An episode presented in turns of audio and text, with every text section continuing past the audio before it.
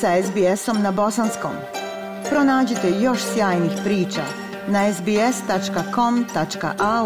kosacrta bosnijan.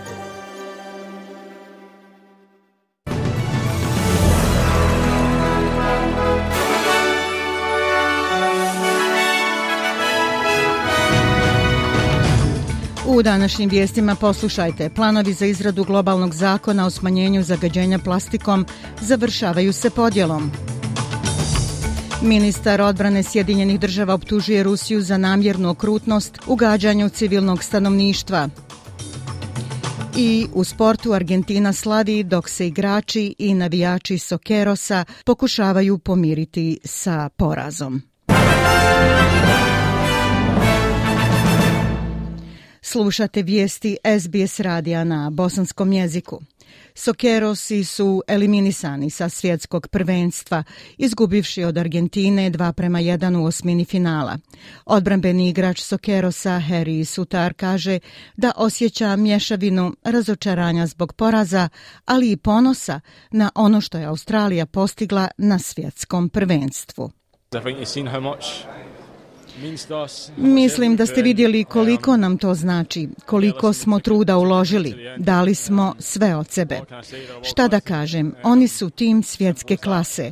Kako je to jednostavno? Imaju igrače svjetske klase koji se mogu pokrenuti u trenu kao što ste vidjeli kod prvog gola.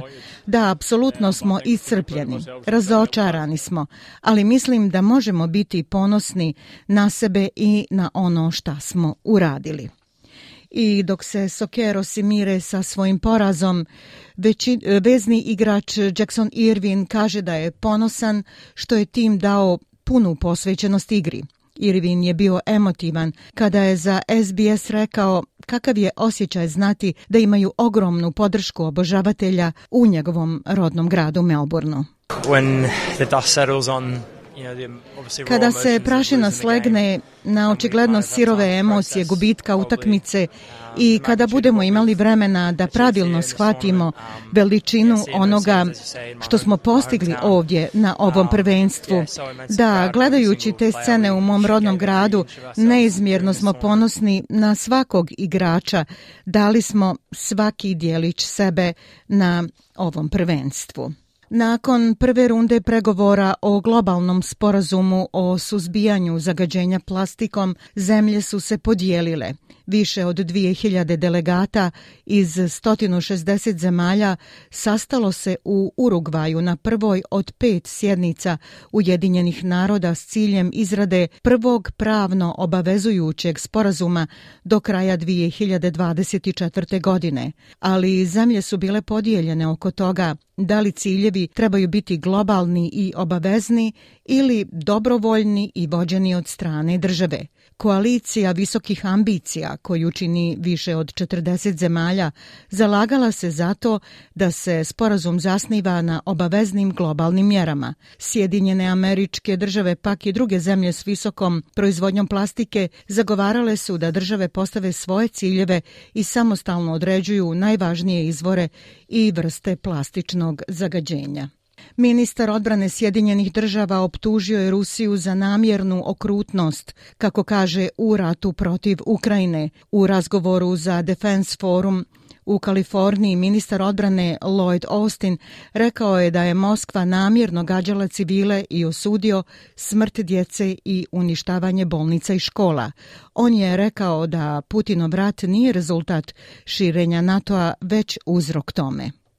A member of the UN Security Council Član Vijeća sigurnosti Ujedinjenih naroda vodi rat da uskrati demokratiju za više od 43 miliona ljudi. S namjernom okrutnošću Rusija stavlja civile i civilnu infrastrukturu na nišan. Ruske snage su ubile hiljade ukrajinskih građana, dok su milioni izbjegli, a Putinov rat izbora dao je svima na zemlji uvidu svijet tiranije i previranja u kojem niko ne bi želio živjeti. Lideri prvih naroda pripremaju plan izrade statua u čast autohtonog stanovništva kao dio nove inicijative vlade Južne Australije. Program ima za cilj prepoznavanje autohtonog nasljeđa u državi, a laburisti su izdvojili milion dolara za projekat kao dio svog izbornog obećanja. Zajednice aboriđina u Južnoj Australiji nominovale su više od stotinu ljudi, a ministar za pitanja aboriđina imao je zadatak da odabere panel i uži izbor šest osoba koje će biti izabrane za komemoraciju statua. Komesar za angažman aboriđina u Južnoj Australiji, dr. Roger Thomas, kaže da su mnogi ljudi iz prvih naroda mislili da će inicijativa pomoći i neaboriđinskim ljudima da cijene historiju prvih naroda Južne Australije. Druge starješine su zabrinute zbog plana, bojeći se da statue nisu kulturološki prikladne ili da poštovanje pojedinaca ne prepoznaje važnost zajednice u kulturi aboriđina. Više detalja o tome kako će izgledati glas za parlament i kako će uticati na zajednice bit će objavljeni prije referenduma. Ministrica za autohtone narode Australije Linda Burney kaže da će Australci biti dobro informisani o tome za šta glasaju. Ona je za ABC-ev program Insiders rekla kako će izgledati neke od ključnih karakteristika glasa. Uh, there is some very well ventilated principles uh, that have been agreed to Postoje neki vrlo dobro ventilirani principi koji su dogovoreni i koji će dati informacije o dizajnu glasa. Stvari poput tih da će biti reprezentativan, da će biti odgovoran i reprezentativan i da će imati rodni paritet. Predstavljaće ljude sa otočja Moreuza Torres, predstavljaće mlade. I što je najvažnije, to će biti predstavničko tijelo koje izaberu aboriđinske zajednice i koje neće uzurpirati uzurpirati postojeće organizacije.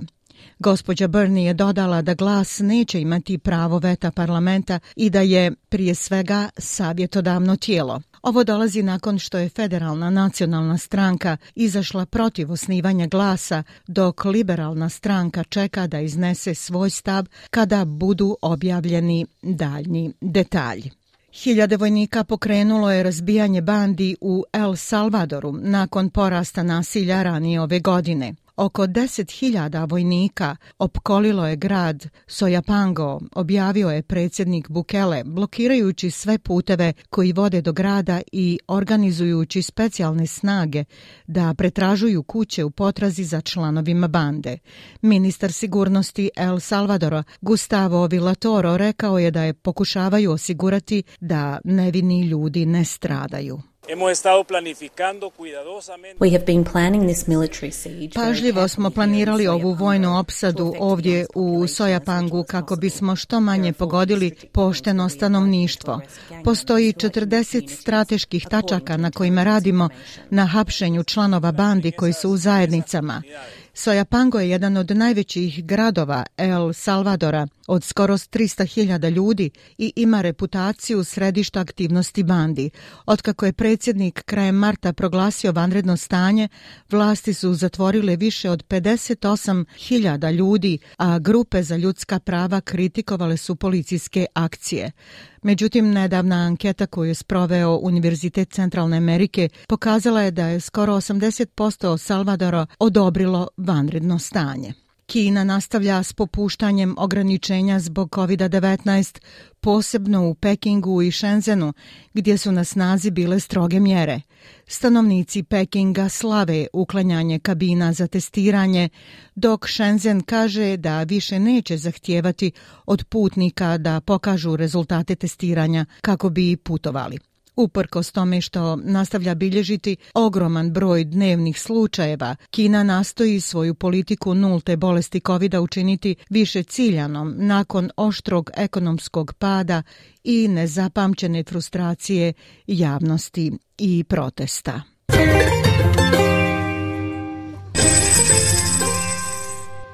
Prema kursnoj listi, australski dolar danas vrijedi 0,68 američkog dolara, 0,64 eura, 0,55 britanske funte te 1,26 bosanske konvertibilne marke.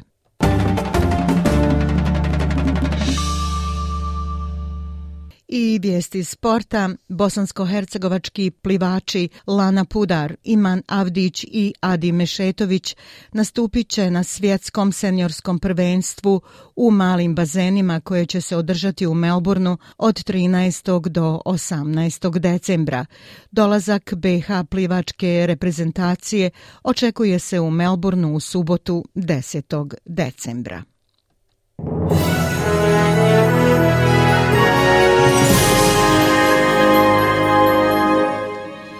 I na kraju vijesti poslušajte temperaturne vrijednosti za veće gradove u Australiji.